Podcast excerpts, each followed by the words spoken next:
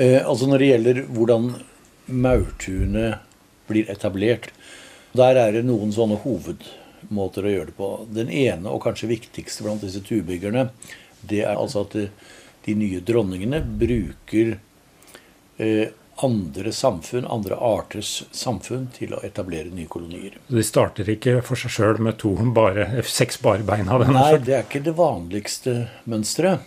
Men det de gjør, da er at de nye dronningene etter befruktning vil komme inn i en annen arts eh, samfunn. Mm -hmm.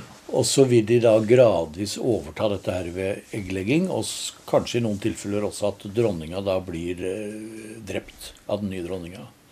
Og så vil det da stadig bli flere av den nye arten som da gradvis vil ta over hele samfunnet. Rein imperialisme? Dette er imperialisme. Mm. Så har du den andre veldig vanlige tingen, og det gjelder særlig disse artene som har mange tuesystemer.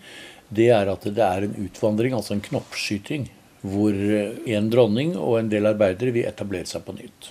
Det blir litt sånn som eh, dilisjansen i Det ville vesten? Ja, ja. Man, man tar en gruppe som utvandrer, rett og slett. Ja.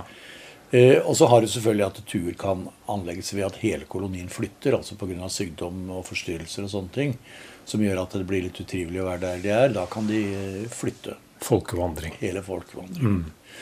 Og så har du det siste når det gjelder disse turbyggene, det er at hos noen arter så kan nye forplanta dronninger faktisk greie å starte, starte egne kolonier.